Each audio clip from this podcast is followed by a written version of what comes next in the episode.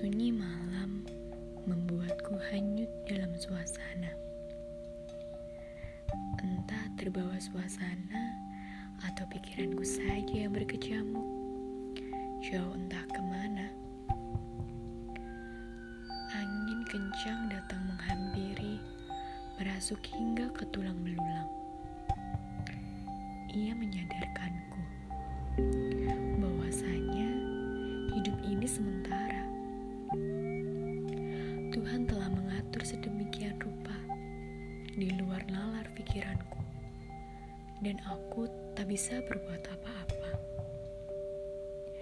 Tuhan, maafkan aku yang sangat gelisah. Padahal kau telah menuliskan takdir untukku. Jauh sebelum ayah dan ibu